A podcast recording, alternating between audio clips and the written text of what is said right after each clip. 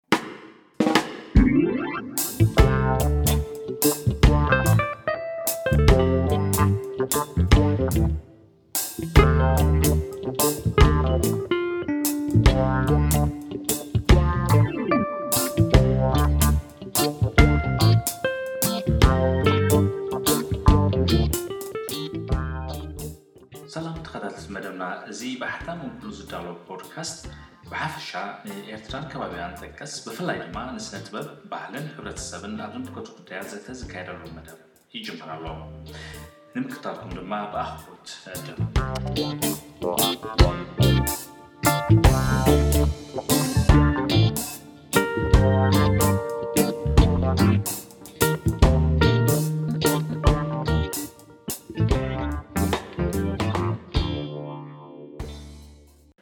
ሎማዓልቲ መጋቢት ዕስራ ክልተ ሽሕን ዕስራን ሓደን ሒዝና ክንቀርበልና ዘለና መደብ ኣብ ፅዋ ባህጊ ዘትኮረ እዩ ክኸውን። ኣብዚ ናይ ሎማዓልቲ ዘተ ምሳና ሓቢሮም ዘምስዩ ደራሲ ባዕሉ ተስፋይ ጉሽ ሳብተ ከምኡ እውን ነታ መፅሓፍ ኣንቢቡ ጠብላቱን ትንታንኡን ዝህበና ሰይፉ ኣብርሃም እዮም ክኾኑ።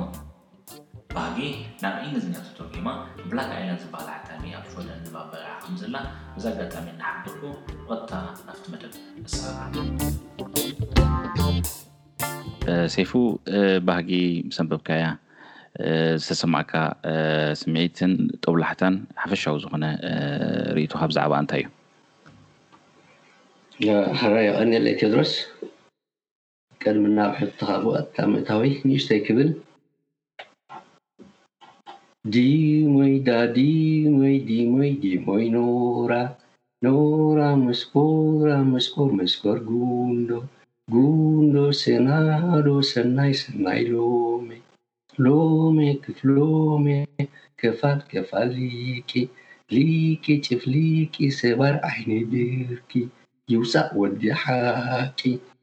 እዛ ጥንታዊት ዜማ ግጥሚ ወይ ጨፈራ ወይ ማሰ ናይ ቀደም ስለ ዝኾነ ኣበይ ከም ትምደብ ርግጸኛ ኣይኮንኩን።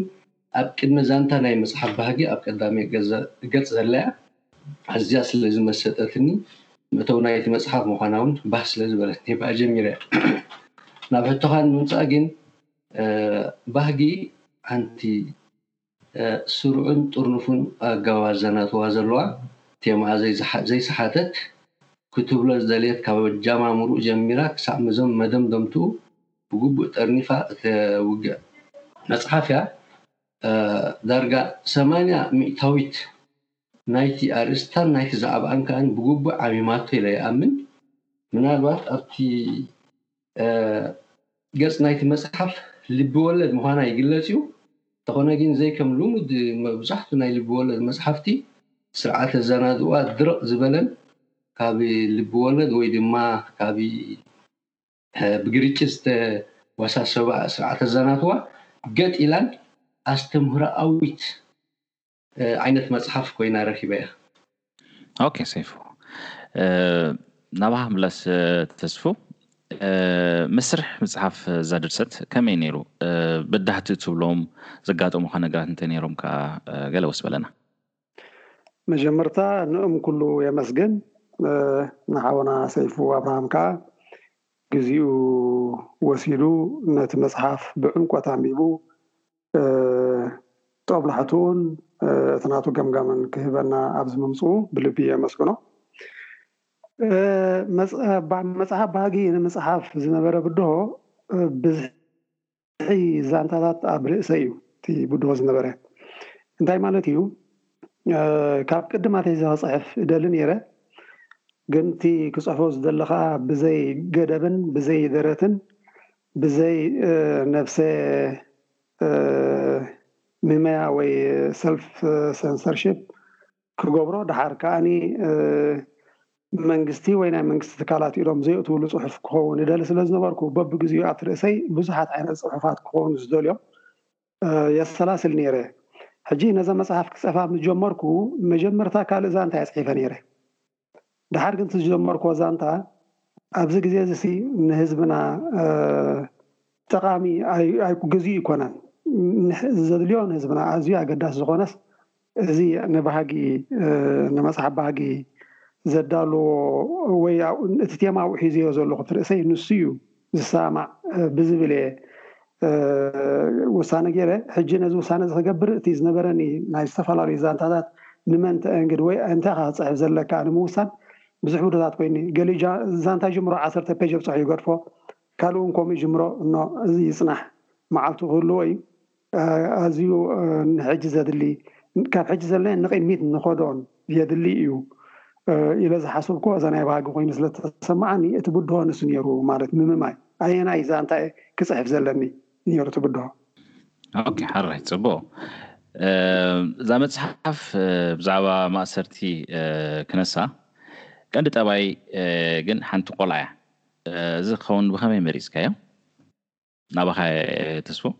ጽቡቅ ሕቶ እዩ ባህጊ ኣጋጣሚ እታ ብልሂ ዝኮነት ኣደናቂት ቆልዓ ባህጊ ዝብል ስም ክህባ ስለ ዝደለኩ እዩ እምበር ምክንያቱ ባህጊ ሲ ሓደ ካብቶም ጥዑማት ኣስማት እዩ ኣብ ሕብረተሰብና ትርጉም ከኣ ኣለዎ ብዙሓት ስድራቤታት ሃረር ኢሎም ድሕሪ ነዊሕ ግዜ ንዝረክቦም ውላድ ወይ ብዙሓት ቆልዑ ምስ ተጎድእዎም ንዝረክብዎም ውላድ ወይ እውን እቶም ስድራ ቤታት ብዙሓት ደቂ ኣይህልዎምን እሞ እቶም ኣባሓጎታት እናሓጎታት ሽዑ እቶም ውላዶም ምስ ሓደ ድዩ ወይ ክልተ ድዩ ውላዶም ምስ ወለዱሎም ሃረር ዝብልዎ ነገር ክረኽቡ ኢሎም ዝህብዎ ስም ስለ ዝኾነ ባህጊ ኢለያ እታ ባህጊ ከዓኒ እዛ መፅሓፍ እዚኣ ንናይ ህፃናት ወይ ንናይ ቆልዑ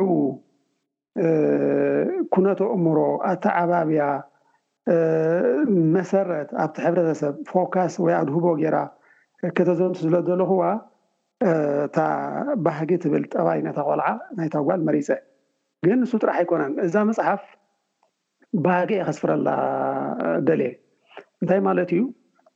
ኩሉ ወዲ ሰብ መቸም ዓይነታቱ ይፋላለ እምበር ባህጊ ኣለዎ ኣብ ሂወቱ ክሪኦ ዝደሊ ኣብ ሂወቱ ክሰምዖ ዝደሊ ንውሉድ ወለዱ ውን ክሰጋገር ዝደልዮ ባህግታት ኣለዉ እቶም ባህግታት እቲኦም ከኣ ኩውናት ክኾኑ እዩ ዝደልዮም ኣብ መወዳእትኡ መጀመርታ ኣብ ልቡ ከም ባህጊ ይጥነሱ እሞ ከም ሓሳብ እቲ ባህጊ እቲ ሽዑ ሰሚሩ ዓምቢቡ ኣብ ዝብጻሕ ክበጺሕ እዩ ዝደሊ ሕጂ እዛ መጽሓፍ እዚኣ ኣነ ከኣ ኣብቲ ሕብረተሰብ ክኾኑ ዝደልዮም ክኾኑ ዘለዎም ነገራት ንምስፋር እየ መሪጸያ። ስለዚ ባህጊ ናይታ ኣብኡ ዘላ ኣደናቒት ቆልዓ ገጸ ባህሪ ደኣ ይኹን እምበር ናይቲ ትሕዝቶ ናይቲ ትሕዝቶ ሓሳብ እዩ ባህጊ እቲ ቀንዲ ሕመረት ሓሳብ እዩ። ስለምንታይ ባህጊ ኣብ ስድራ ቤትን ኣብቲ ሕብረተሰብን ኣብ ስርዓተ ትምህርትን ብዝያዳ ኣድህቦ ገይራ እያ ትሰርሕ። ብእምነት ናተይ ኩላህና ውን ከምንፈልጦ ሓደ ሕብረተሰብ መሰረቱ ስድራ ቤት እዩ። እቲ ስድራ ቤት ከኣ ሓደ ጥሙር፣ ጽኑዕ፣ ፍቕሪ ዝመልኦ፣ ብግቡእ ዝተኾስኮሰ ራኢ ዘለዎ ስድራ ቤት እንድሕሪ ኮይኑ እዩ ከምኡ ዓይነት ጽኑዕ ማሕበረሰብ ዝፍጠር። እቲ ማሕበረሰብ ከኣ ሃገር ድዩ ካልእ ከምኡ ክፍለ ዓለም ድዩ ገለ ዝምስርት ማለት እዩ። ብመንጽር ናይዚ ከኣ ኣብ ምስኡ ተኣኣሲሩ ዝኸይድ ከኣ ስርዓተ ትምህርቲ ኣሎ።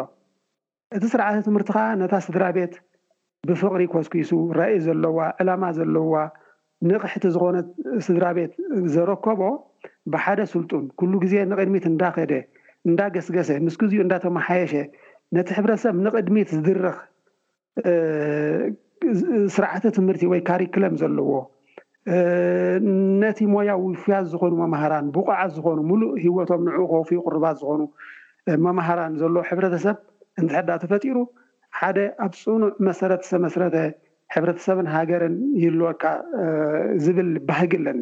ከምኡ ክርእሲ ባህጊ እለን ኣብኡ ይበጻሕናን ኣልና ብዝተፋላለየ ምክንያት ስለዚ እዚ ባህጊ እዚ ንምግላጽ እየ ኣብኡ ስፍርየ ዘለኩ ርግጽ እዩ ነዚ ባህግታት እዚ ኩን ዘይገብሩ ንዕኡ ብዙሕ መሰናክል ዝፈጥሩ ናይቲ ፖለቲካዊ ስርዓታት ከኣ ኣለዉ ንዕኦም ከኣ ይነቅፍ እዩ እቲ ክስታይ ክከውን ዘይደልዮ ባህገይ ማለት እዩ እዚ ከኣ ስለዚ ብሕጽር ዝበለ ከይበዝሓና ምእንቲ እታ ባህጊ ትብል ኣርእስቲ እዚ ናይታ ቆልዓ ጥራሕ ዘይኮነትስ ናይቲ ጸሓፊ ኣብቲ ሕብረተሰብ ክኾኑ ዝደልዮ ኣብ ስርዓተ ትምህርቲ ክሪኦ ዝደሊ ሕልምታቱ ድሌታቱ ሃንቀውቱ ንምስፋር ተጠቐምኩሉ እዩ ማለት እዩ።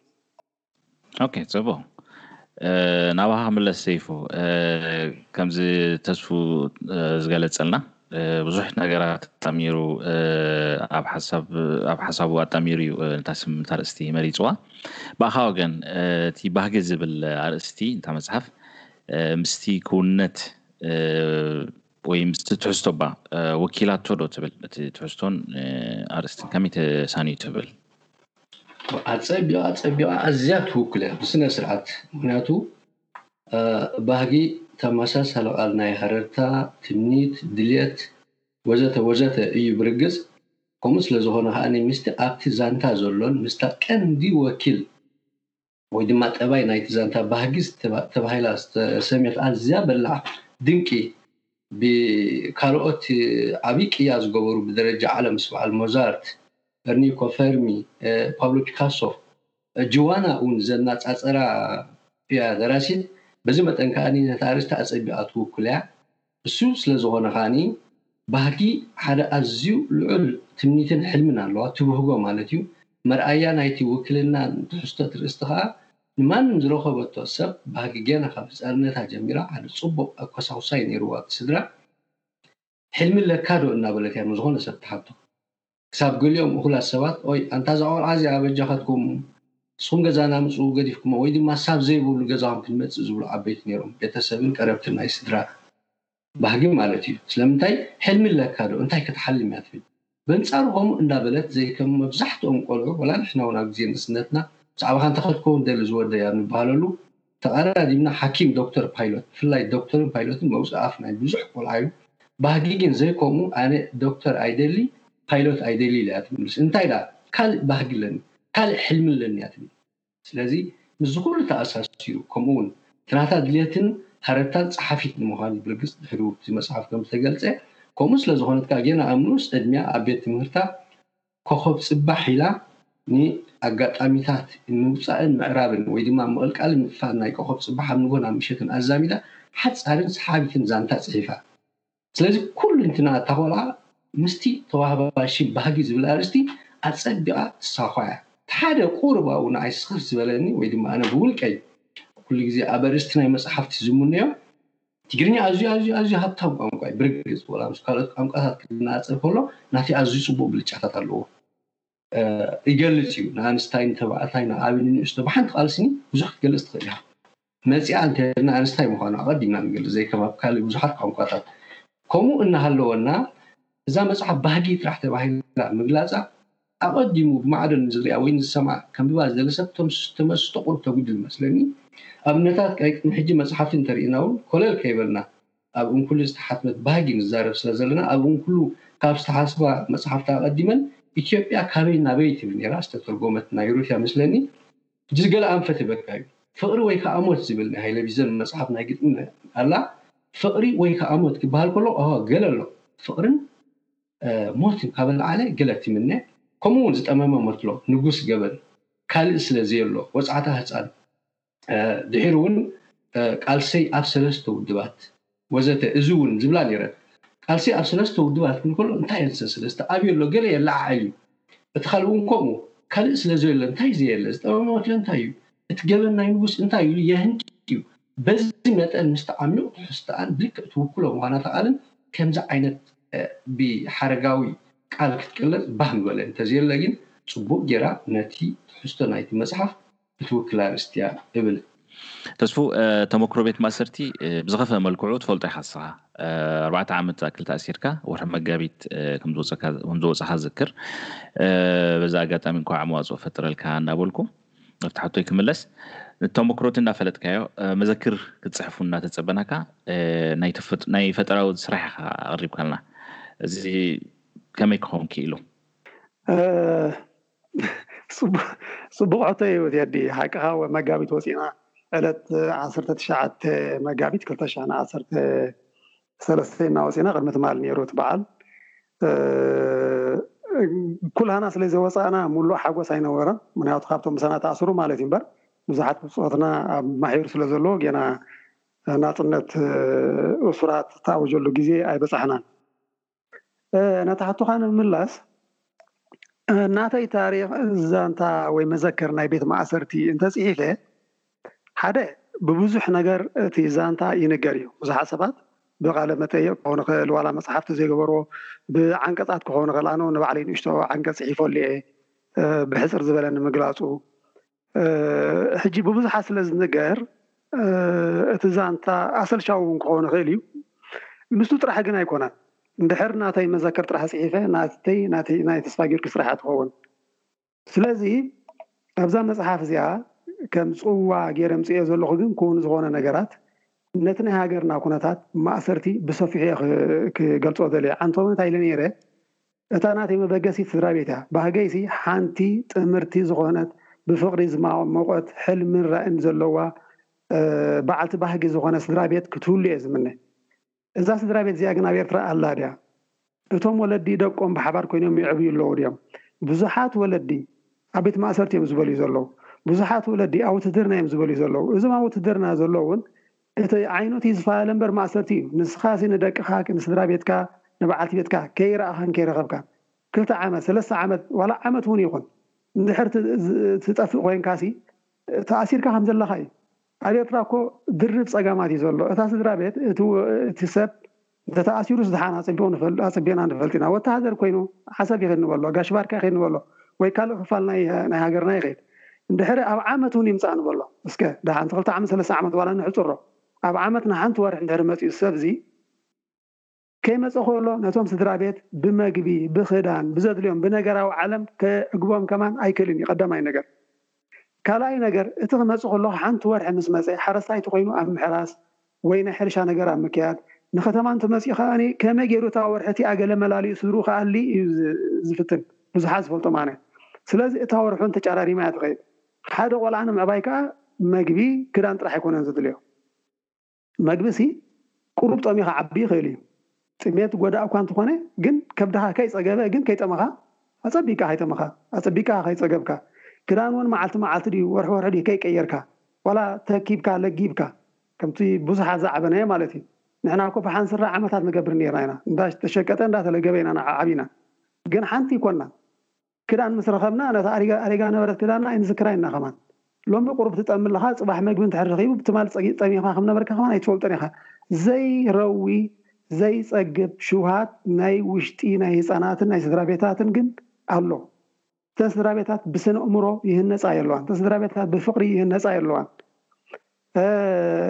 ሓንቲ ተኽሊሲ ዘድልያ ማይ፣ ዘድልያ ማዕድናት ኣብታ ዘራእኻያ መሬት፣ እታ መሬት ብዘየገድስ'ሲ ዘድልያ ማይ፣ ዘድልያ ድኹዒ፣ ዘድልያ ጸሓይ ብርሃን፣ ዘድልያ ኮስኳስ፣ ዘድልያ ካብ ናይ ጸላእቲ ሓጹር ምሕጻር እንተዘይጌርካላ እኮ ክትዓቢ ኣይትኽእልን እያ። እቲ ኣብኡ ትገብሮ እታው ወይ ኢንፑት ንብሎ፣ እቲ ትገብሮ ኣብኡ ኢታው እዩ ኮይኑ ነታ ተኽሊ ጽቡቕ ፍረ ክትበካ ድያ ኣይትህበካን ዝውስኖ። እዞም ህጻናት እዚኦም፣ እዞም ቆልዑ ኤርትራ ከኣ ከምኡ እዮም ኮይኖም ዘለዉ። እዚ ኩሉ እቲ ቀንዲ መሰረታዊ ዝኾነ ነገር። ኣብቲ መጽሓፍ እንተጸጊቡ ተጠቒሱ ኣሎ ኣስመሮምሲ እቲ ካብቶም ቀንዲ ገጽ ገጸ ባህሪ ኣቦ ባህጊ ይብሎ እዩ ቆልዑሲ ኣብቲ ምስ ተኣሰረ ማለት ደቀይሲ ከይጠምዩ ከይዓርቁ ይኾንኩን ዘጨንቐኒ እዩ ዝብል ኣብኡ ንሳቶምሲ እቲ ጥምየት እቲ ክስታይ ጽቡቕ እኳ እንተዘይኮነ ክስገር እዩ እቲ ሕብረተሰብና ተደጋጋፍን ተሓኣላላይን ስለዝኾነ ብዙሕ ከይጸገቡ ብዙሕ ጽቡቕ ከየጋየጹ ክነብሩ ይኽእሉ እዮም። ግን እቲ ቀንዲ ንዕኡ ዘሰክፎ፣ እቲ ክብሎ ዝጸናሕኩ፣ እቲ ዘርኢ ኣብቲ እእምሮኦም ክንዘርኦ ዝግብኣና፣ እቲ ፍቕሪ ኣብ ልቦም ክነብቁሎ ዝግብኣና ስለ ዘይረኽቡ እቶም ቆልዑ ይዓንዉ። ክንደይ ህጻናት እዮም ስነ-እእምሮኣዊ ነውጺ ዝፈጥረሎም ዘሎ። እዞም ብዙሓት ሰሃራ ሰንጢቖም በዚ ማእከላይ በዚ እንተኣትሎ እዚ ደቡብ ላቲን ኣሜሪካ ገይሮም ንበዓል ኣሜሪካ ዝኣትዉ እዞም መንእሰያት እዚኣቶም ኩሎም ኮስኳስ ዝጎደሎም እዮም። ኣብ ፌስቡክ ብዙሓት ክጻረፉ ትኽእልኻ ናይ ስነእምሮ ነውጺ ከምዘለዎም ከተስተውዕል ትኽእል ኢኻ። እዞም ሰባት እዚኦም እዚ ብዙሕ ሃጓፋት ዝጎደሎም ሰባት ኢለ'የ ኣነ ዝግምግም። ስለዚ እቲ ናይ ማእሰርቲ ኩነታት ኣብ ክንዲ ናይ ሓደ እንተኻትሎ መዘክር ዝገብሮ ብገፊሕ ዓይኒ ክሪኦ እደሊ። ኩሉ ማእሰርቲ እዩ። ቀጥታውን ዘይቀጥታውን ይኾን ዝኽእል፣ ንውሕ ዝበለ ገመድን ሕጽር ዝበለ ገመድን ይኸውን ዝኽእል እምበር፣ ኣብታ ስድራቤት ዝፈጥሮ ጽልዋ ንከም በዓል ባህጊ ዝኣመሰላ ኣዝየን ኣደነቕቲ ንባዕለን ተለዊጠን ሕብረተሰበን ክልውጣ ዝኽእላ ኣብ ዓለም'ውን ኣበርክቶ ከገብራ ዝግበኣን ህጻናት እየን። ብኣዝዩ ከቢድ ስነእምራዊ ነውጺ ተጎዲኤን ዝነብራ። እዚ ከኣ ውሑድ ውሑድ ዘስተውዕለሉ ኮይኑ ይስማዓኒ። ማለት ስነእምራዊ ነውጺ ዝወርድ ኣብቲ ሕብረተሰብሲ ከምዚ ኣፍልጦ ድዩ ዝጎድለና ኮይኑ ወይ ገለ ከምዚ ካልኣይ ወይ ሳልሳይ ደረጃ ንሰርዖ እዩ ኮይኑ ዝስማዓኒ። ኣነ ከኣ ነዚ ንክበጽሕ ኢለ እየ። ነቲ ናይተይ ውልቃዊ ዛንታይ ገዲፈ ነዚ ክጽሕፍ ደልየ። ነቲ ናይ ውልቃዊ ዛንታይ ግን ምሉእ ምሉእ እውን ክጽሕፎ ኣይክእልን እየ። ናይ ስድራቤት ሕቶ ኣሎ፣ ናይ ገሉ ሕቶ ኣሎ።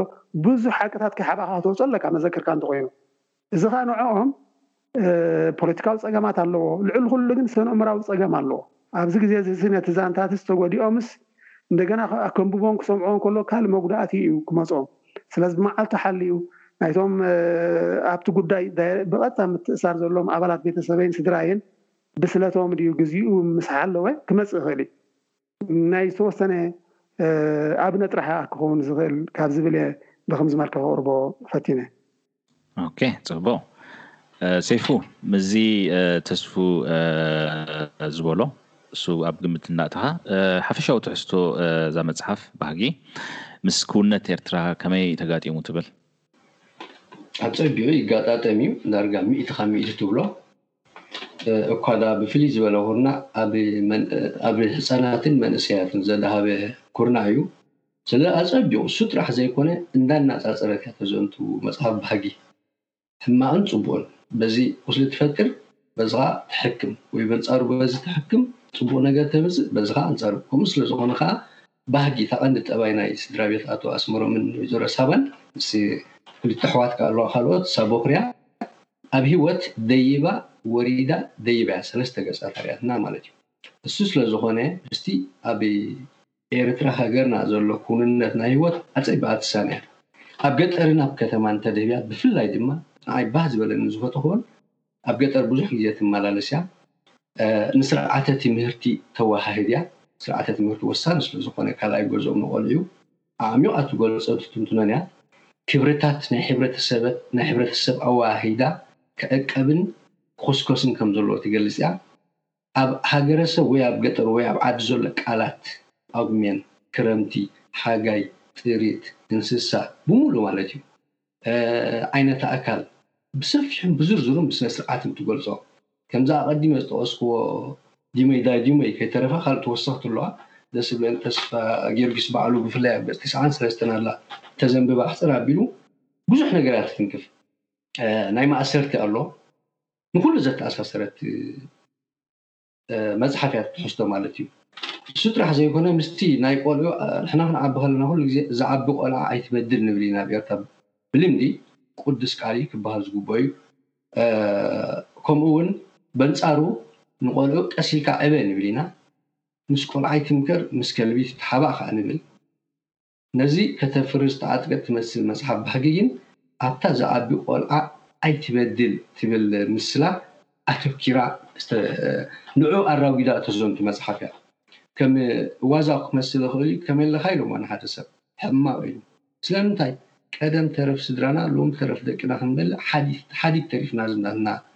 ወለዶ ኢሉ እንታይ ማለት እዩ እዚ ከምቲ ቀደም ንብሎ ዘለና ኣታ ቆልዓ ርሓቅ ጽን ኢልካ ዘረባ ዓበይቲ ይስማዕ ኣይኑ እንዳ ተባሃልና ዓቢና ንሕና ኣብ ዕድሜና ሕጂ ግን እቲ ግዜ ተቀይሩ እቲ መሰል ናይ ሰብ ንኩሉ ስለ ዝተለወጠ ቆልዑ ቀዳምነት ይወሃቦም ጽቡቅ ነገር ን ክምዕብልን ዘለዎን እዩ በዚ ምክንያት እዚ ዝበልኩኩም ዋዛ ውን ይውበሃል ኔሩ በዚ መንጽር ክትርእ እንከላ መጽሓፍ ባህጊ ኣጸቢቃ ኣብ መንእሰያት ኣተኪራ ምስቲ ኣብ ሃገርና ዘሎ ኩነታት ብኩሉ መዳያት ተኣሳሲራ ብባህላዊን ብፖለቲካዊ ኩነታት ናይ ማእሰርቲ ዓቕሚ ቐስለት ትንክፍ ማለት እዩ። ብማሕበራዊ ብፍላይ ኣብ ትምህርቲ ኣብ ጎኒ ጎኑ ንኣሽቱ ዝመስል ኣሎ ናይ ናብራ ሽግርን ብድሆታቱን በንጻሩ ከኣ ከመይ ጌርካ ፈቲሕካ ትዕወት ኣሎ። ንምትሕግጋዝ ኣሎ እቲ ሕብረተሰብ ኣዕሩኽ ናይ በዓል ቤት ኣስመሮም ካልኦት ቤተሰብ ካልኦት ንጹሃት ኣስራሕቲ ወዘተ ከኣ መሳርሕቱ ዝነበሩ ክሳብ ሓለፍቱ ዝገብርዎ ኣበርክቶን ወፈያን ከኣ ነቲ ኣብ ሕብረተሰብና ዘሎ መብዛሕትኡ ጭዋ ባህሊ ኣጸቢቓ ትድረእን ተራጉድን መጽሓፍ ኮይና ረኪበያ ማለት እዩ። ምስኣ ውስኽ ኣቢልካ ክትምልኣ ኣላ። ስነ-ኣእምሮኣዊ ወይ ስነ-ልቦናዊ ጉዳያት ወይ ሸነኻት ኣብዛ መጽሓፍ ብገለ መዳይ ይንጸባረቑ እዮም እሞ ከመይ ተንጸባሪቖም ኣለዉ? ከመይ ትረኽቦም? ኣጸቢቑ ተንጸባሪቑ ኣሎ። እቲ ኣዘናትዋ ባህ ዝብለካ ነገር ናይታ መጽሓፍ ከኣ ንሱ እዩ። ንኣብነት ባህጊ እታ ቀንዲ ጠባይ ኣቡኣ ኣስመሮም ምስ ተኣስረ ኣዝያ ተወዳዳሪት ብልጫ እትወስድ ንፍዕቲን በላሕን ቆልዓ ዝነበረት ከምቲ ኣቐዲምና ዝበልናዮ ኣብ ከቢድ ሽግር ኣትያ ማለት እዩ።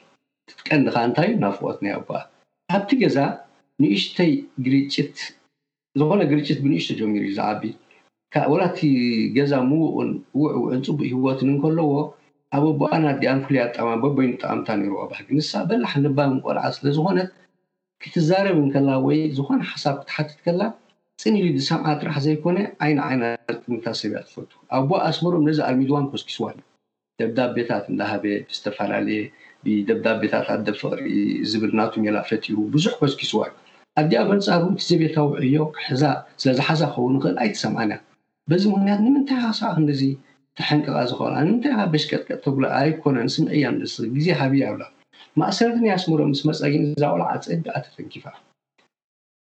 ኣብቲ ዓመታዊ መርመራ ዘይልሙድ ብሊጫ ወሳዲት ዝነበረ ተሪፋ ክትሓልፍ ኣይከኣለትን ከቢድ ተንኪፍዋ ደቂሳ ትንኽና ክትበኪ ነይራ እቲ ገዛ ኣብ ዓቢ ሽግር ወዲቑ ሓይሊ ናይቲ ኣዛናትዋ ውን ኣብይ ዝድነቕ እቲ ግርጭታት ኣምጺኻ ግርጭታት ምፍታሕ ኣንቲ ውቕትን ምውቕትን ፉሕፉሕ ትብልን ስድራ ነይራ ድሕሪ ማእሰርቲ ኣቡኦም ግን ኣብ ከምዚ ሽግር ወዲቖም እንተላይ ብኤብ ኮነሚ ኣዲኣ ትጭነቕ ነይራ ደሃይ ኣቡኣ ደሃይ በኣር ቤት ኣይትፈልጥን ንኣዕሩኽቲ ንቤተሰብ ትሓትት በንጻሩ ከኣ ቁጠባዊ ሓገዝ እውን ስለ ዝደልያ ስራሕ ትፍትን። ኣብቲ ስራሕ ዝወፈጥቶ እውን ጸታዊ ምድፍፋእ ይበጽሓ ነይሩ። በንጻሩ ግን ኣዝያ ትኩርትን ንፍዕትን ሰብ ስለ ዝነበረት፣ እንተላይ እውን ምልክዕቲ፣ ነቲ ዝነበራ መልክዕን ተውህቦን ተጠቂማ ሓርኮትኮት ኢላ በሊሓ። ኣብኡ ዝተዓዘቦ ካልእ ወሃብ ስራሕ ዓዲምዋ። ኣብኡ ከኣ ኣዝያ ነፊዓን ብልጫ ሒዛ ወጺኣ ንናብራኣ ኣመሓይሻ። ብዘይ ብኡ ባህጊ ኣብ ዝተጨነቐትሉ እዋን ሓያል ገጽ ናይታ መጽሓፍ ናብ ዓዲ ናብ ቤተሰባ ከይዳ እንዳማ ኣብኡ ምስ ከደት ሓንቲ ጎረቤታ ቆልዓ ፋኑስ ትብሃል ተላልያ ዳርጋ ተማሳሰልቲ ዕድሜን የዕልላ የዕልላ እዋን ጳጉሜን እዩ ኔሩ ከመይ ኣሎሲ ኣቦኺ ቤሎ ኢላ ሓቲታታ ባህጊ ነታ ቆልዓ ኣብ ዓዲ ዘላ ኣቦይ ድኣኒ ኣብ ውትህድርና እዩ ዘሎ ኢላታ እሞ ቤሎ ድኣ እህ ደንጉዩ እኳ ዝመጸና ከምዚ ተስፋ ጌሩ ዝስጉኦ ዝጸጸንሐ ኣብ ዓመት ጌሩ እዋእ እዋእ ኣነ ድኣ እሞ ሸውዓተ ዓመት ጥራሕ እንድየ ነቦይ ተፈልዮ ስለዚ ኖርማል ኢላ ኣእምሮኣ ተሓዲሱ። ነቲ ስነልቦናዊ መዳይ ናይታ ቆልዓ ወይ ድማ ናይታ ስድራ ይወርድን ይድይብ እዩ፣ ተሃሽ እዩ መጺኡ ግን በዚ መጠን ኢኻ ኣቐዲመ ሰለስተ ገጻት ኣርያትና ባህጊ ብውክልና ዝበልኩዋ መጀመርያ ኣዝያ ጽቡቕ ደረጃ ኔራ ተዳኺማ ድሕሪኡ ከኣ መጺኣ ጎኒ ጎኒ እዚ ግን እቲ ናይቲ ሕብረተሰብ ምድግጋፍ ክሳዕ ሓንቲ ሓኪም፣ መሓዛ ናይቲ ስድራ ኮይና ከይተረፈት ጽቡቕ ስነ ልቦናዊ ምኽርን ማዕዳን ምስ ሃበታ እንተ ኣፍላይ ኣዕሩኽቲ ናይ ኣስመሮም ኣብ ጽቡቕ ደረጃ በጽሓ። ስለዚ ኩሉ ኣለዎ ማለት እዩ። ነቲ ስድራን ነቲ ሕብረተሰብን ንኹሉ ዘንጻባርቕ ስነ ልቦናዊ ሃስያ ኣሎ፣ ብውክልና ናይ ባህጊ እቲ መፍትሒኡ ከኣ ተራእዩ ማለት እዩ። ኦኬ እታ ሸውዓተ ዓመት ዝበልካ ሸውዓተ ወርሒ ንምባል ምዃና ኣብ ከለኹ መረምታ ክገብረላ ያ ሓቂ ኣብ እግሪ መልሓስ የንከፍ ያ ያ ከምኡ ነቲ ሰማይ ክርድኦ ማለት እየ ናብኻ ክምለስ ተስፉ ኣብዛ ፅዋ ሓደ ዛንታ ኣሎ ኣብ ውሽጡ ከኣ ብዙሓት ዛንታታት ኣለዉ ባዕላ ባህጊ ዛንታ ትጽሕፍ እያ ከምቲ ሰይፉ ኣቐዲሙ ዝገለጾ ካልኦት ዛንታታት እውን ኣብኡ ኣለዉ ዛንታ ኣብ ዛንታ ኣለዉ ንዓኻ እንታይ እዩ ዛንታ ክበሃል ከሎ?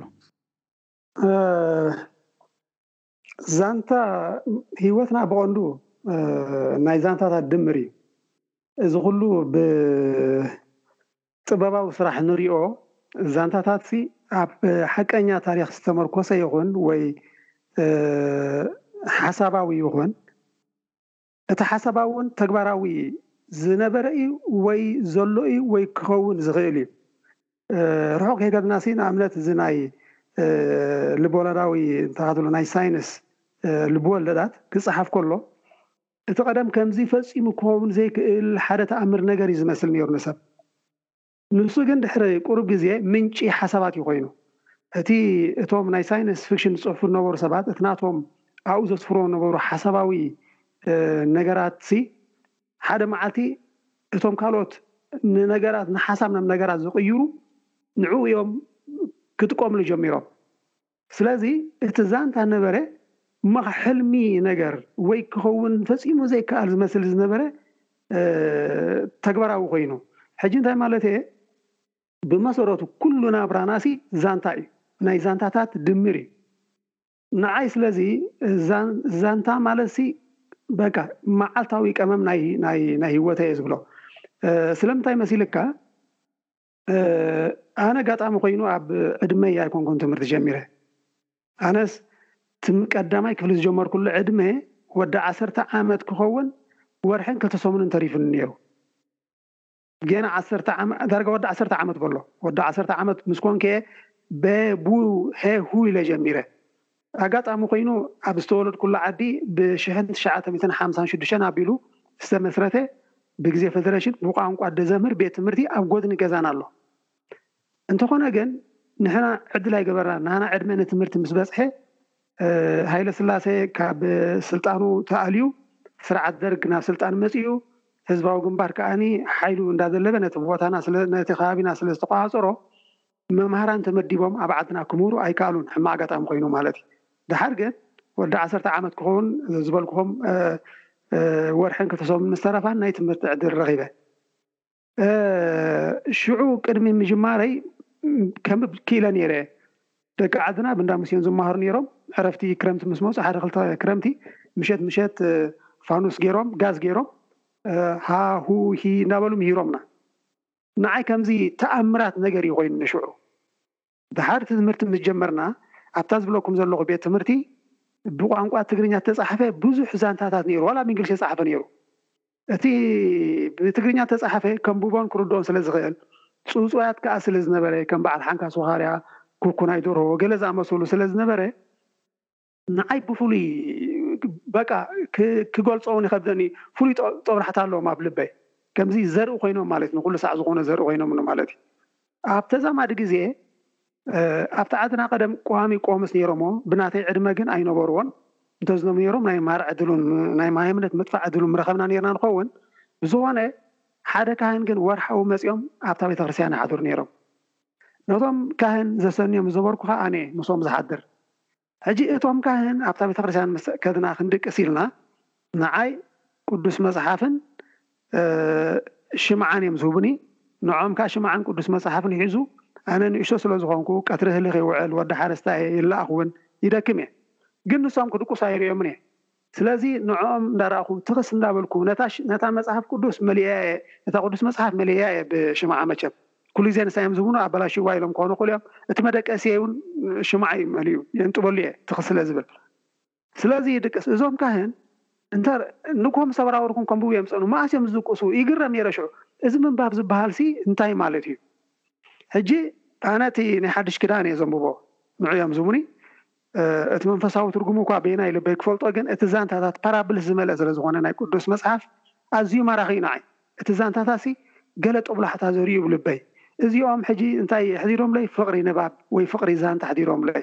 ስለዚ እምበኣር ዛንታሲ ንዓይሲ ቀመም ህይወት'ዩ። ንሱ እንድሕሪ ጎዲልዎስ ከምዚ መሰረታውያን ጨው በሎ ካልኦት መኣዝ ነቲ ጸብሒሲ መኣዛ ዝህብዎ ኣገደስቲ ነገራት ዝጎደልዎ'ዩ ዝኾነኒ ማለት'ዩ። ስለዚ ብሕጽር ዝበለሲ እቲ ዛንታ ማለት ንዓይ ቀመም እዩ ቀመም ሂወት ብዘይኩኡ ክትነብር ሲ ዝካኣል ኣይኮነን። ኦኬ ጽቡቅ ትሒታ ኔራትኒ ካልእ ሕቶ ዳርጋ መሊእካ መሊስካለይ ኣለኻ ጽቡቅ ናብ ሰይፉ ክምለስ እየ ናብ ሰይፉ ክምለስ እየ ኣብዚ ናይ ዛንታ ኣልዒልናዮ ዘለና ኣርእስቲ ከይወጻና እቶም ብዙሓት ዛንታታት ኣብኡ ዘለዉ ከመይ ረኺብካዮም? እቲ ኣከናውናኦምከ ከመይ ነይሩ? እንታይ ትብል? ምስቲ ኩሉ ክንገልጾ ዝጸናሕና ኣብቲ። ተወሰኽቲ ዛንታታትን ኣከናውንኦም ምስቲ ቀንዲ ዛንታ ባህግን ኣብኡ እዩ እቲ ቀንዲ ኣነ ንኣይ ፍልይ ዝበለኒ።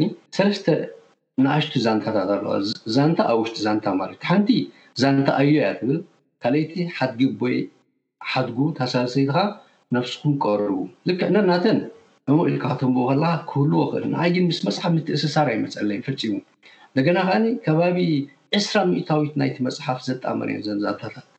ጠቕላላ ከኣ ነቲ ዛንታ ብስሩዕን በጋባብን ከይትጸንሖ የውጻእኻያ ትርስዖ ዘኪርካ ኣሃ ከምዚዩ ኔሩ ኢልካ ተመሊስካ እንተዘይኮይኑ ነቲ ዋሕዚ ነቲ ወጥሪ ልብወለድ እያ እዛ መጽሓፍ ከም ዝበልናዮ ይኣልዩ ስለዚ እተን ዛንታታት እዘን ዝበልክወን ብፍላይ ከኣ ዛንታ ኣዮ እትብል ዛንታ ከባቢ ክንደይ ገጽ እያ ሒዛ ዘላ ካብቲ መጽሓፍ ተውጻእካዮ ምትእስሳራ ንዓይ ኣይተራእየንን እቲ ካልእ ኣብ ውሽጢ ዘሎ ኣቀዲምና ዝጠቀስናዮ ግን ኩሉ ኣብ ቦትኡ ኣሎ ማለት እዩ ስለዚ ንእግረ መንገደይ ሕጂ ጽቡቅ ኣጋጣሚ ምስ ጸሓፊ ወይ ደራሲ ፊት ንፊት ክትራከብ ፊት ንፊት ኣይተራከብናን ኣለና ብልክዕ ግን ቃል ንቃል ተራኪብና ኣለና እዚ ከም ጽቡቅ ኣጋጣሚ ሓሲበ ውን ንተስፋጌርግስ ክሓቶ ሕጂ ደስ ይብለኒ መጽሓፍ ባህጊ ግቡእ ስርዓተ ሰዋስው በቲ ናተይ መዐቀኒ ብፍላይ ከኣ ኣብዚ እዋን ዘሎ ደረጃ ጽሕፈት ቲግርኛ ናይ ኤርትራውያን መጽሓፍቲ ዘማለኤት እያ ኢለ እኣምን።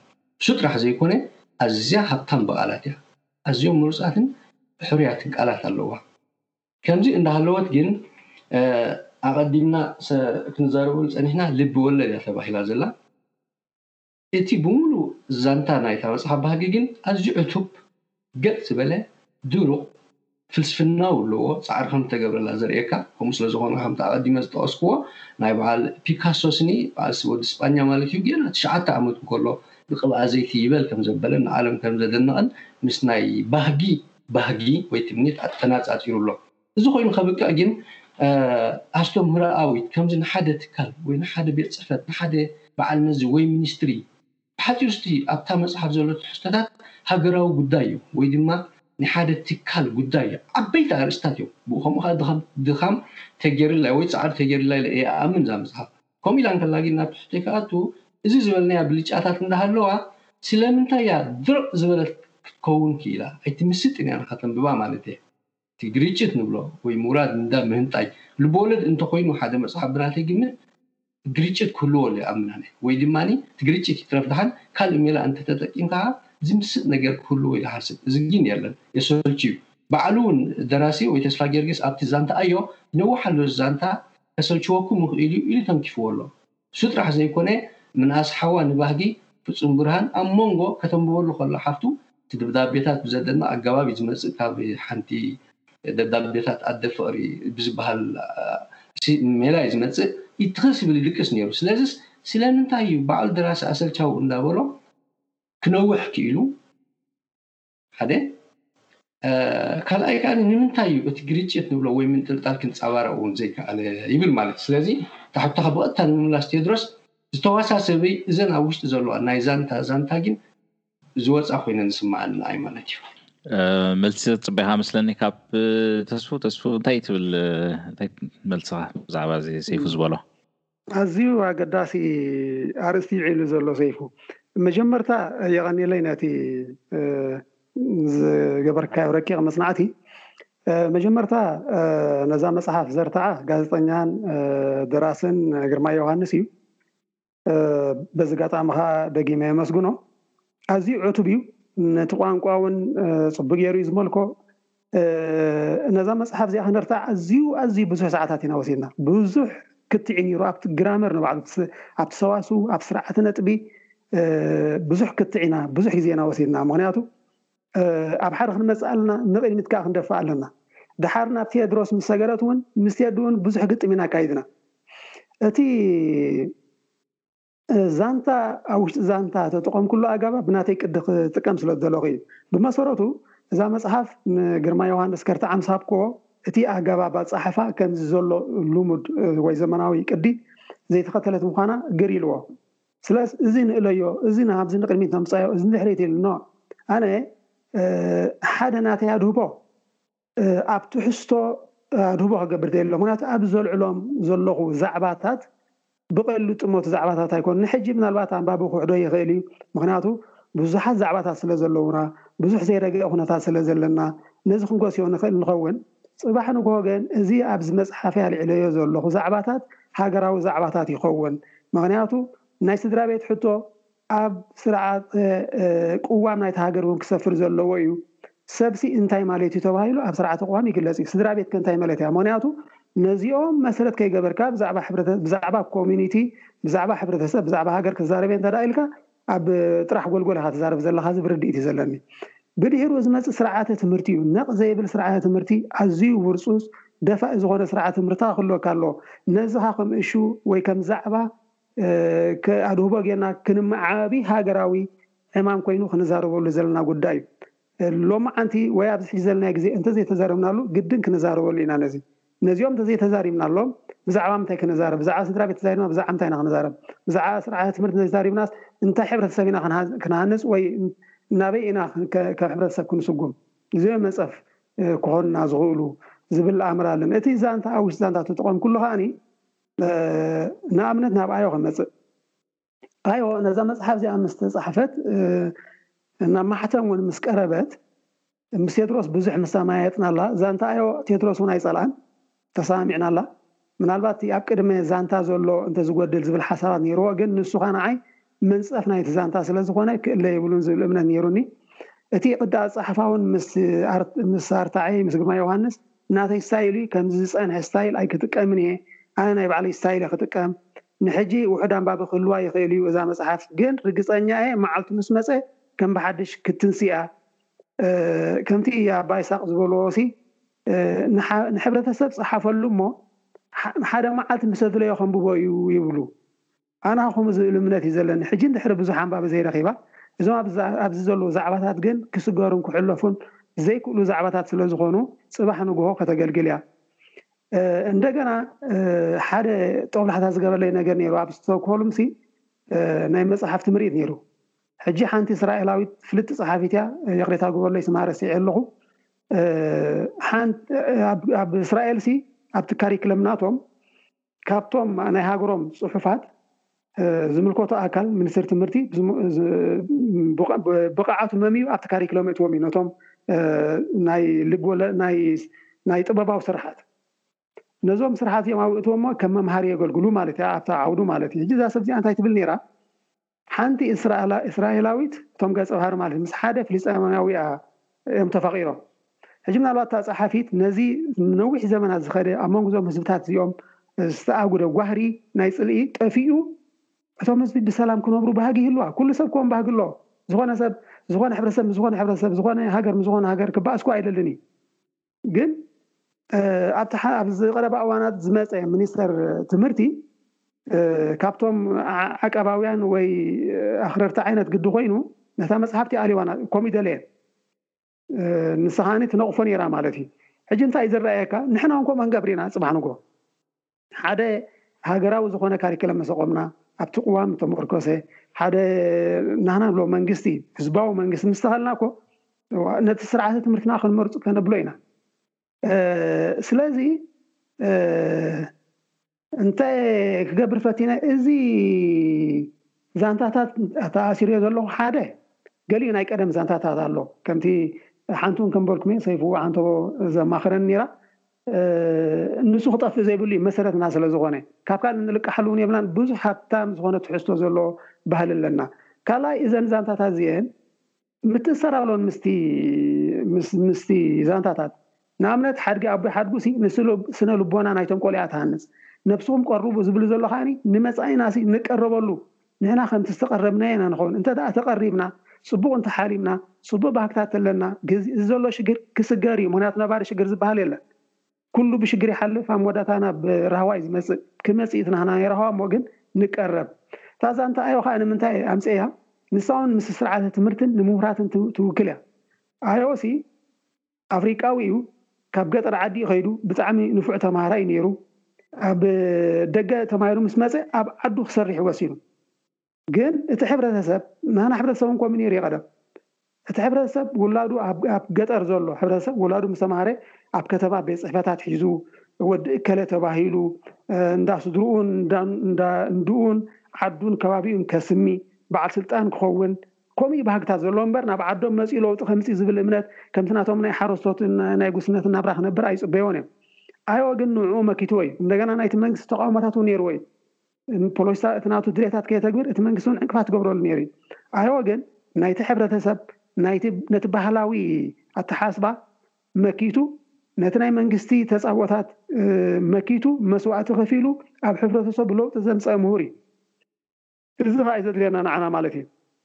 ንሕና ከም ወራሲ ደሓን ኣብ ኤርትራ ምናልባት ሰብ ይምደብ እዩ ባእ ኣነ'ሲ ትምህርቲ ወዲኤ ባዕለይ ኣይኮንኩን ህይወተይ ዝመርሕ ኩላህና ትምህርትና ምስ ወዳእና መንግስቲ ዝመደበና ኢና ንሰርሕ እምበር ባዕልና ክንመርጽ ኣይንኽእልን ስለዚ ንመርጸሉ ግዜ ግን ክመጽእ እዩ ኩሉ ግዜ መንግስቲ እናመደበና ኣይንነብር ኢና ባዕልና ድሌትና ተማሂርና ድሌትና ንሰርሓሉ ግዜ ክመጽእ እዩ ሽዑ ከምኡ ክንገብር ከም ኣዩ ክንከውን ከ ንቕረብ ዲና ነቲ ንብሎ ዘለና ሕብርተሰብ ንቅይሮሲ ንክእል ዲና ባህላዊ ትንሳኤ ክንገብር ንክእል ኢና ካብታ መሰረትና ነቲ ዘለና ኩቡር ባህሊ ዓቂብና ነቲ ዘየድሊ ጉሒፍናሲ ንላዕሊ ክንመጽእ ንክእል ዲና እንደገና እታ ዛንታ ኣይ ነቶም ቆልዑ ክትነውሖም ትክእል እያ።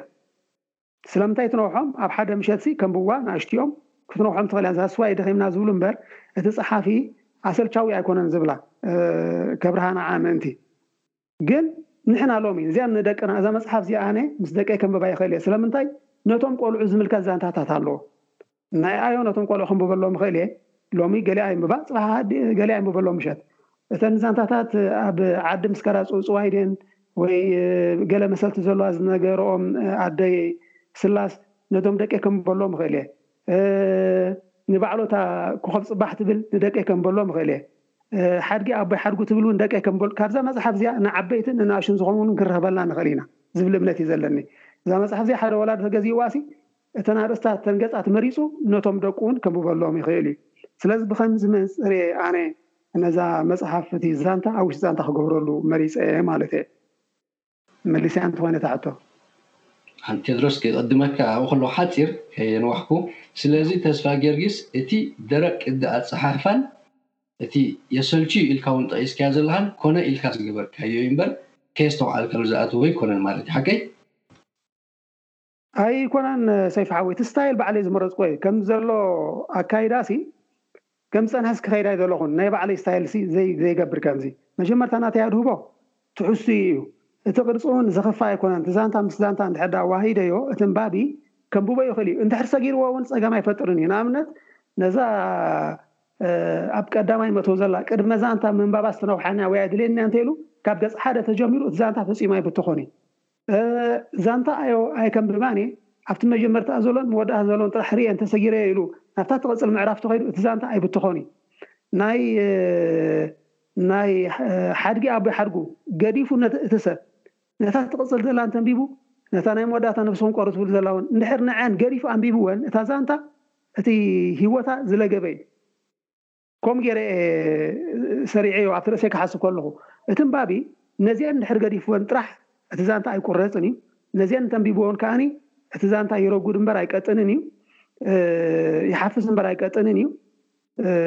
እንደገና እቶም ወለዲ ነዛ መጽሓፍ እዚኣ ተገዚኦማ ንደቆም ዝኸውን ትሕዝቶ እውን ክረኽቡላ ይኽእሉ እዮም። ስለዚ ከምቲ ኣብታ ቅድመ ዛንታ ዝብሎውን ንሕና ጽውጽዋይ ነይሩና፣ ጸዓዱ ከኣ እዚ ቤድ ታይም ስቶሪ ዝብልዎ ምሸት ምሸት ንደቆም ዝንበብ ገይሮሞ።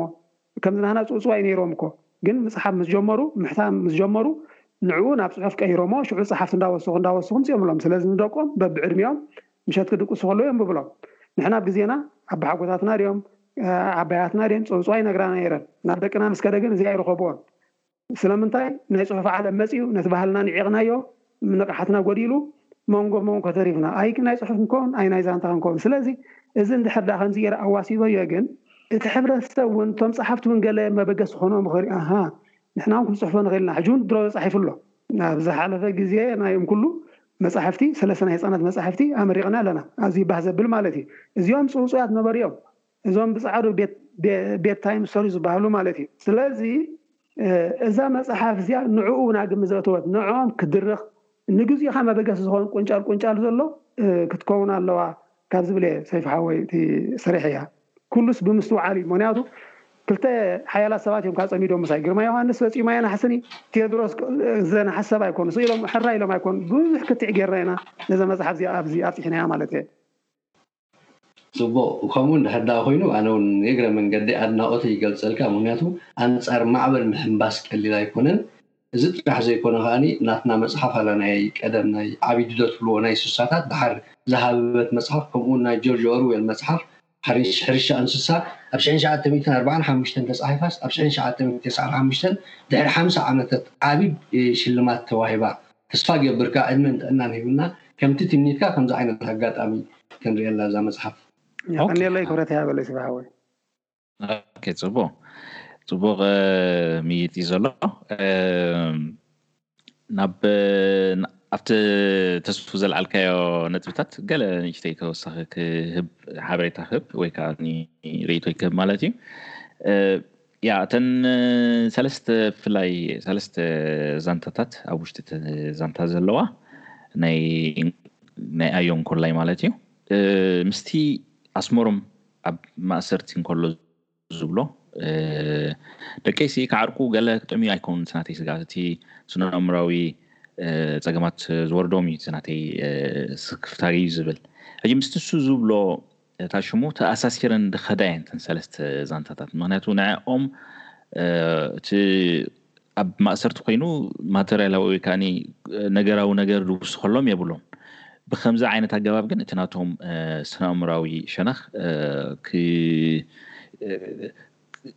ከሕውዮ እዩ ዝፍትን ወይ እውን ከደልድሎ እዩ ዝፍትን ከምኡ እንዳሰደደት ዛንታታት እንዳሰደደ ንዓ ጥራይ እዩ ከዓ ክገብር ዝኽእል ነይሩ ኣብታ ኩነታት እቲያ ስለዚ ጥቡቕ ዝኾነ ምትእስሳር ኣለዎን ናብቲ ዛንታ ቁሩብ እታ ናይ ኣዮ ምንውሓ እዩ ነይሩ ስክፍታይ ኣነ ኣብቲ ኣጀማምራ ከዓ ናይቲ ዛንታ ማለት እዩ ዝኾነ ናብ ተወሳኺ ካልእ ሕቶ ክንሰግር ሰይፉ ቅድም ትንክፍ ኣቢልካያ ነርካ ግን ዓሙቅ ክተብላ ንእሽተይ ባህሊ ከመይ ተንጸባሪቁ ኣሎ ኣብዛ መጽሓፍ? እወ ንሱ ካብቲ ቀንዲ ብልጫ ናይዛ መጽሓፍ እዩ፣ ንዓይ ውን ብዘይ መጠን ዘደንቀኒ ዘይፈልጦም ቃላትን ኣባህላትን ሰሚዐም ዘይፈልጥ ኣብዛ መጽሓፍ ረኪበ ኣለኩ ካብ ኣዲመ ዲሞይ ዳዲሞይ ተንኪፈያሳ እኳ ዳርጋ ከም መዝሙር ኩልና እንተነክፋይና ትርጉማን ግቡእ ኣዳማምጻ ቃላታ ናይ ንፈልጦ ደኣ እምበር ካልእ እውን ኣሎ ሕጂ ንኣይ ካብ ኣልዓልካዮ ቴድሮስ ተስፋጊዮርጊስ ብመጽናዕቲ ድዩ ጌርዎ ወይ ኣብቲ ዝዓበየሉ ኣከባቢ ድዩ ኣብ ኣእምርኡ ሰሪጹ ጸኒሑ ኣሎ ን ከምዚ ገሊኡስ ትፈትዋ ደርፊ እንተልያ ትም ኢልካ ትደጋግም ኢኻ እቲ ግቡእ ግን ኣይትብሎን። ንኣብነት መጽሓፍ ባህጊ ንብላና እንድሕር ድኣ እቲ ዜማ ባህ ኢልካ መጸ ባህጊ ጥራሕ ትብላ ኢኻ መጽሓፍ እቲ መጽሓፍ ህወሓት ከምዚ ዓይነት ኣሎ ጊን ብግቡእን ብስነ ስርዓትን ዝተጻሕፈ ኣሎ ሕጂ ባዕሉ ተስፋጊዮርጊስ ክብሎ ባህ ምበለና ኣነ ኣብ ገጽ ቴስዓን ሰለስተን ኣሎ ንሃርስየ ንሃርስ ጸጊምና ዘይንህርስ ዘይንጸግብስ ኣይቀውዕንዶ ቀውዕስ ቀውዒ ኣነ እነኻድዶ ከምኡ እንዳበለ ተዝብላ በዓል ተዝብላ ባህ ምበለኒ እዚ ሕጂ ዘደንጹ ነገር ማለት እዩ። ክቕጽለልካ ክቕጽለልካ ኣብ መንጎ ዝሓሸ ክትቅጽል ይቕሬታ ሓቅኻ ሰይፉ ሓወይ ስለ ከምታ ዝበልኩኻ እንድያ እታ ቤድ ታይም ስቶሪ እስቲ ንሕና መሊኡ ኣለና እቲ ጽውጽዋይ እሞ ንስኻን ደቅና ክነግሮም ኣለና ሕጂ ሓደ ወላድ ነዛ ገጽ ኣንቢቡ ክንብበሎም ይኽእል እዩ ከፊቱሲ ከንብበሉ ምኽሪ ንወለዱ ሕጂ ኣነ ዝዓበኹሉ እዩ ብዘይ ቃልዓለም ኣነ ክነረኩም ካብቶም ኣዝዮም ብናጽነትን ብደስታን ዝዓበዩ ቆልዑ እየ ወዲ ሃገረሰብ እየ ከምቲ ዓንተቦ ዝበልኩኹም ሓንቲ ቅያር ዓመት ሓንቲ ቅያር ክዳን ዓመት እውን ተጽንሓኒ ነይራ ትኸውን እያ ናይ ኣውደኣመት ክዳን ተገዚኡለይ ጾመይ ዝሓደርኩሉ ለይቲ እውን ነይሩ ክኸውን ይኽእል እዩ ክንድኡ ሓጎስ እዩ ነይሩና ግን ኮዋኹብቲ ኣብ ልዕሌና ምሸት ምሸት እናረኣና፣ ወርሒ ክትወጽእን ክትጠፍእ ኮላ እንዳረኣና፣ ጭርጭር ዓበድ እንታ ተጻወትና፣ ኣቦሓጎታትናን እኖሓጎታትናን ጽውጽዋይ እንዳነገሩና ኢና ዓቢና ክሳብዚ ትማሊ ትማሊ ማለት እዩ። ሕጂ ነዚኤን ኣብ ገሊኤን ኣብ ርእሰይ ዝመጻ ነይረን፣ ገሊኤን ከኣ ከምኡ ከምዘሎ ፈልጤ ግን ኣይፈልጦን ነይረ፣ ንዘይርሱዕ ኣሕዋት ሓቲተዮም። ሓቲተ ምስ ነገሩኒ ሽዑ ኣዋሃሂደዮ ናይ ኩሎም ማለት እዩ ኣዋሂደዮ ጽሒፈዮ ሕጂ እዛ ኣብ ገጽ ተስዓን ሰለስትን ዘላ ከም በበልኩም እቶም ቆልዑ ደቂ ኣስመሮም ንዓዲ ምስ ከዱ ኣደ ዓባያ ንፋኑስ ነታ መዘና ባህጊ ዝኾነት ቆልዓ ዓባዮም እየን ነጊረና ኣደይ ስላ ዝበሃላ ሕጂ እንታይ እዚኣ እዛ ትስዕብ ነግረኣ ማለት እዩ ንሃርስ እየ ንሃርስ ጸጊብና ዘይንህርስ ዘይንጸግብስ ኣይቀውዕንዶ ቀውዕስ ቀውዒ እነኻዶ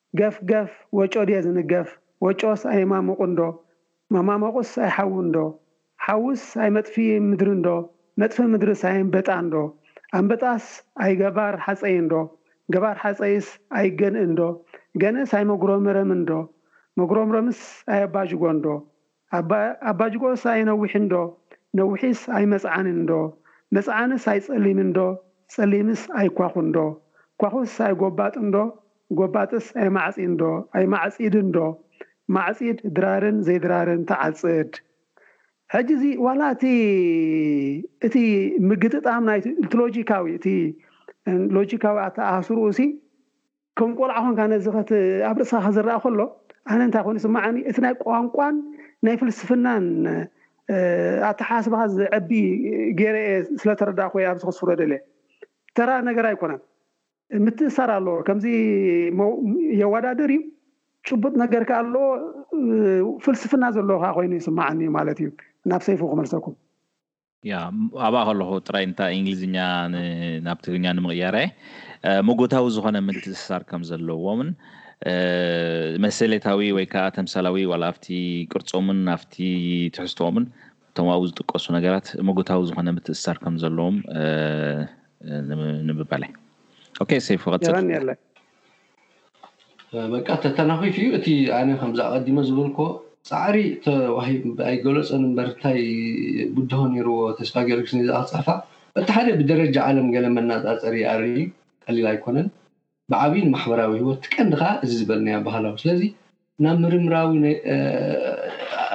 ኣገባብ ዝኸደት ኮይና እውን ትስምዓካ እያ ሕጂ እዚ ኣዝዩ ዝመሰጠኒ ነገር እዩ እዚ ናይ ንባዕሉ ስለዚ ንሱ እዩ ዜር ዜሩ የድንቆን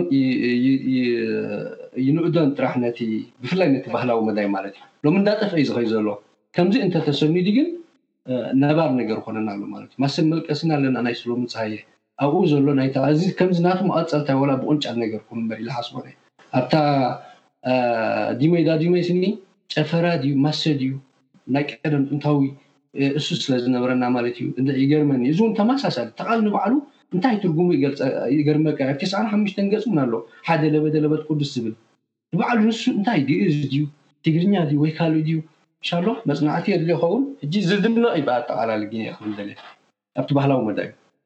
ኦኬ ካብዚ ውፅእ ከይበልና ናብ እንግሊዝኛ ተተርጊማ ኣላ እንድያ ባህጊ ኣብኣ ደሎ ለውጥታት ገለ ዶ ምጠቐስካልና ተስፉ ፅቡቕ ቴዲ እወ ባህጊ ብትግርኛ ተሰሪሓ ምስ ተወደአት ሽዑ ኣሕታሚ እንኩሉ ኣብ ጥንሲ ነይራ ደሓር ነታ ጥንሲ ከነሕርሳ ደሊና ምስ ቴዲ ደሓር ቴዲ እዛ ባህጊ ሲ ኣዕሊልና ኔርና ከምዚ ሓሳብ ኣሎ ግን ምጅማሩ ሲ ቁሩብ ምድላዋት ኣድልይኒ ኣሎ ገለ እብለኒ በል ስማዕ ቴዲ እዛ ባህጊ ባህጊ ናይ ኩሉ ክትኮን ኣለዋ ቤት ማሕተም ኣብ ዓድና ልዕሊ ሚእቲ ዓመት ገይሩ እዩ ካብ ዝጅምር ስለዚ ኣብ ኣሕታመኻ ኣብ ደገ ብዘይካ ቀይሕ ባሕሪ ጌና ኣይነበረናን። ስለዚ እዚ ሕልምኻዚሲ እዛ ባህግስ ናይ ክልቴና ባህጊ ንግበራ ተባሂልና። በቃ እዚኣ ናይ ቤት ማሕተም ምምስራት ባህግኻ ከኣ እቲ ብባህጊ ትስመር፣ ትጀምር። ደሓር ነዛ ባህጊ ናብ እንግሊሽ ክንትርጉማ ኢና ምስ ተባህለ እቲ ዕዮ ቴድሮስ እዩ ጀሚርዎ። ቴድሮስ እዩ ተርጉምዋ ብዙሕ ስራሕ እዩ ኔሩ ከምቲ ናይ ትግርኛ ውን ብዙሕ እንዳተማያየጥና ሰሪሕናላ ሽዑ ናብ ሕታሚ እም ኩሉ ኣይኮነትን እም ኩሉ ኣይኮነን ኣሕቲምዋታ እንግሊሽ እታ ናይ እንግሊሽ ክፋል ብላክ ኣይለንድ ዝብሃል ሚስተር ፒዮ ራስክ ሽወደናዊ እዩ ኣሕቲምዋ ንሱ ከሕትማ ኢና ተሰማሚዕና ሽዑ ንዑ ምስ ሃብናዮ ክልተ ሰባት ከም ዝርእይዋ ኢዲት ከም ዝገብርዋ ይርእ መጀመርታ ክልቲኦም ናይ እንግሊሽ ባክግራውንድ ዘለዎም ማለት እዩ ድሕረ ባይታ ናይ እንግሊዛውያን ዝኾኑ መበቆሎም ሲ ቦቦምን በዲኦም ሲ ቀዳማይ ቋንቋም እንግሊሽ ዝኾነ ሰባት እዮም ከም ዝርእይዋ ገይሩ ሕጂ እታ ቀዳሚት ምስ ረኣየታ ድሓርቲ ሊንጉስቲክ ትሕዝቶኣ ኣየዕገበናን እቲ ቋንቋዊ ትሕዝቶኣ ብዙሕ ኣይዓገብናን ካልእ ሰብ ክሪኣ ነይርዎ ካልእ ሰብ ሰሪሕዋ ሽዑ እንታይ ዝብል ሓሳብ መፅዩ እዚ ሓሳብ ኣብዚ ዘሎሲ እቲ ምዕራባዊ ባህሊ ክርድኦ ውን ይኸብድ እዩ ዋላ እቲ ምትርጓሙ እዞም ዝበልናዮም ሕጂ ናብ እንግሊሽ ሲ ከመይ ጌርካ ትትርጉሞም ቴድሮስ ብጣዕሚ ብዙሕ ብዙሕ ብዙሕ ኣዝዩ ብዙሕ ጻዕሪ እዩ ኣፍሲሱ ነዞም ዝበልናዮም ቅንጥብጣብ ዘለው ባህላዊ ውርሻታት ናብ እንግሊሽ ክትርጉሞም ከሎስ ኣነስ ገሪሙኒ እዩ ከማን ካበይ ኣምጺኻዮ ኢለ እዚሲ ኣነስ ኣብ ሃገረ ሰየ ከማን ተወሊደ እቲ እንግሊሽ ይሓጽረኒ ኮኑ እምበር ትግርኛሲ መበቆለይ ንስካ ግን ኣብ ከተማ ዝዓበካ ጽልዋ ናይ ሃገረ ሰብ ዘይብልካ እዚ ቋንቋዚ ካበይ ኣሪካዮ እቲ እንግሊሹ ክሳብ ምባል ኢና በጺሕና ብዝኮነ ብዙሕ ስራሕ ሰሪሑ ሕጂ እንታይ ገይርና ነቲ ምዕራባዊ ዓለም እቲ ናሃና ኤርትራውያንሲ ሓደት ናይ ስነጽሑፋዊ ስራሓትና ክነላልዮም ዘይልና ካልእ እቲ ናሃና ፍልስፍና እቲ ናህና ባህግታትና እቲ ዘለና ብድሆታት ከኣ ካልእ ዓለም ክፈልጦ ትደሊ ኣላ ከምቲ ንሕና ናይ ካልኦት ንፈልጥ ስለዚ እታ ቀዳመይቲ ክፋል ቅድመ ዛንታ ኣሊናያ ብቐጥታ ካብ ቀዳማይ ምዕራፍ ጀሚርና እተን ኣብ ውሽጢ ዘለዋ ዛንታታት ውን እተን ዛንታ ኣብ ውሽጢ ዛንታ ዘለዋ ንዐን ኣሊናየን እንታይ ጥራሕ ጌርና እታ ኣደ ጥበብሲ ማዘር ኦፍ ኣርት ኢና ኢና ኣተርጒምናያ። ቴድሮስ ከምኡ ኢዩ ተርጊምዋ ተቀቢልናዮ ሕጂ ማዘር ኦፍ ኣርት ነዞም ቆልዑ መልእክቲ ከም ትሰደሎም ምክንያቱ ስነ ልቦና ናይቶም ቆልዑ ክጽግኖ ኣለዎ እቲ ወላዲኦም እቲ ወላዲ ተራ ወላዲ ኣይኮነን ኣዝዩ መስተውዓሊ ኢዩ ናይ ስነ ልቦና ፍልጠት ኣለዎ ናይ ስርዓተ ትምህርቲ ፍልጠት ኣለዎ ዋላ ጸሓፋይ እንተኾነ ኣዝዩ ኦል ሳይድድ ዓይነት ሰብ ኢዩ እቲ ጸሓፊ ከም ንፈልጦ እቲ ኣብኡ ዘሎ ሶሪ ገጸ ባህሪ ሕጂ ንዕኡ ከም ዝጣመር ጌርናዮ ኣሎና፣ ግን እቲ ዛንታ ከኣ ነዊሕ ከይከውን ቆሪጽናዮ ኣለና። ብኸምኡ እያ ተዳልያ ዘላ ኣብ እንግሊሽ፣ ቴድሮስ ከኣ ገለ ክምልኣልና ይኽእል እዩ ከም ተርጓሚ። ዳርጋ ኢልካዮ ኢኻ ኩሉ። ከም ዝርድኣኒ ውን እቲ ዝተገብረ ለውጥታት ጽቡቕ ኮይኑ ይስምዓኒ፣ ምኽንያቱ ከምቲ ኣቀድምካ ዝበልካዮ ነቲ ካልኦት ባህልታት ንክርድእዎ ከጸግሞም ዝኽእል ነገራት ምእላዩ ጽቡቅ ኮይኑ ይስምዓኒ። ኣብቲ ስራሕ ብሓንሳብ ስለ ተሳተፍናዮ ኩሉ ግዜ እቲ ናይ ትርጉም ስራሕ ክብድ ይብል እዩ ምክንያቱ ተፈላለየ ባህሊ ተፈላለየ ቋንቋ ብምዃኑ። ክተራኽቦ ኣዝዩ ክብድብል እዩ ግን ተሓጋጊዝና ስራሕ ዓዊትናዮ መስለኒ ናብ ናይ መጨረሻ ሕቶይ ክምለስ ናባኻ ተስፉ ኣብ መዘከርታ ወይ ካብ ወፍያ ናይዛ መጽሓፍ እንታይ ኢልካ ኣለኻ መዘከርታ ከምብበ ከምብባያታ መዘከርታ ጽሒፍካ ዘለኻ ነቶም ኣብ ነቶም ኣብ ዕሸል ልበይ ሓያል ባህጊ ትምህርትን ትስፍውቲ ጽባሕን ብቐጻሊ እተብቁል ዘርኢ ብርሃን ተስፋ ዝዘርኡለይ ኣባሓጎይ ነፍስሄር ባሻይ ቀላቲ ተስፋይ ምስ ክብርቲ በዓልቲ ቤቶም ዓባየይ ነፍስሄሪት ምሕረት ዕቋር ትኹነለይ ኢልካ ኣለኻ ኣብዚ ምስቲ ምስቲ ዛንታ ወይ ከኣ ምስቲ ትሕዝቶ ናይታ መጽሓፍ ምትእስሳር ዘሎ ኮይኑ ተሰሚዕኒ ከምኡውን ምስቲ ኣንተ ዝገለጽካዮ ኣብ እቲ ንእሱ ዕድሜኻ ኣብ ትምህርቲ ዝሳተፍሉ ግዜ ብዘይምንባሩ እቲ ናይ ምንባብ ባህግኻ ብካልእ መገዲ ተርውዮ ምንባርካ ትገልጽ ኢኻ እሞ ምስኡ ዘለዎ ምትእስሳር እንተትገልጸልና ብጣዕሚ ጽቡቅ ኣነ ዕድለኛ ኮይነ ብክልተ ኣቦን ብክልተ ኣዴታትን እየ ዓብየ እዞም ክልተ ኣቦታት ኣባሓጎይን ኣቦይ ወላዲየይን እዮም። ኣዴታተይ ከኣ ኣደይ ወላዲተይን ዓባየይን ማለት እዩ። ሕጂ እንዳ ኣባሓጎይ ሸምጊሎም ስለ ዝነበሩ ካብቶም ኣብ ምስኦም ዝነበሩ ወለዲ ከኣ ውላዶም ከኣ ኣቦይ ስለ ዝኾነ ምስ ሓዳሩ ምስኦም ኢና ኔርና ምስኦም ኢና ዓቢና ስለዚ ኣነ ብክልተ ወለዲየ ሓንቂቀ ዓብየ። ኣባሓጎይ ኣይተማህሩን ግን ጽኑዕ ድሌት ናይ ትምህርቲ ኔሮም ትምህርቲሲ ካበይ ከም ዘምጽእዎ ኣይፈልጥን'የ፣ ዓስከር ጣልያን ነይሮም ንተወሰነ እዋን፣ ካብኡ ዝተፈጠረ ክኸውን ይኽእል ዝብል እምነት ኣለኒ። እቲ ባህጎም ደኣ ኣይሰመረሎምን፣ ኩሎም ደቆም ከምህርዎም ኣይከኣሉን እምበር ድሌት ትምህርቲ ነይርዎም። ምዕባይ ኣቦይ መምህር በየነ ቐላት ዝበሃል ኣሎ፣ ኣብዚ ማሕበራዊ መድያ'ውን ርኢኹምዎ ክትኮኑ ትኽእሉ ኢኹም፣ መምህር በየነ ቐላት'ዩ፣ ኣብ ኣስመራ ብዙሕ ዓመታት መምህር ናይ እንግሊዝኛ ኮይኑ ዝመሃረ ጻዕራም መምህር'ዩ፣ ሕጂ ኣብ ናይ ጡረታ ዕድመ'ዩ ዘሎ። ኣብ ሕቡራት መንግስታት ኣመሪካ ይርከብ። ኣብ ውሽጢ ክልተ ዓመት ከኣ ክልተ ዓበይቲ መጻሕፍቲ ኣበርኪቱልና ኣሎ።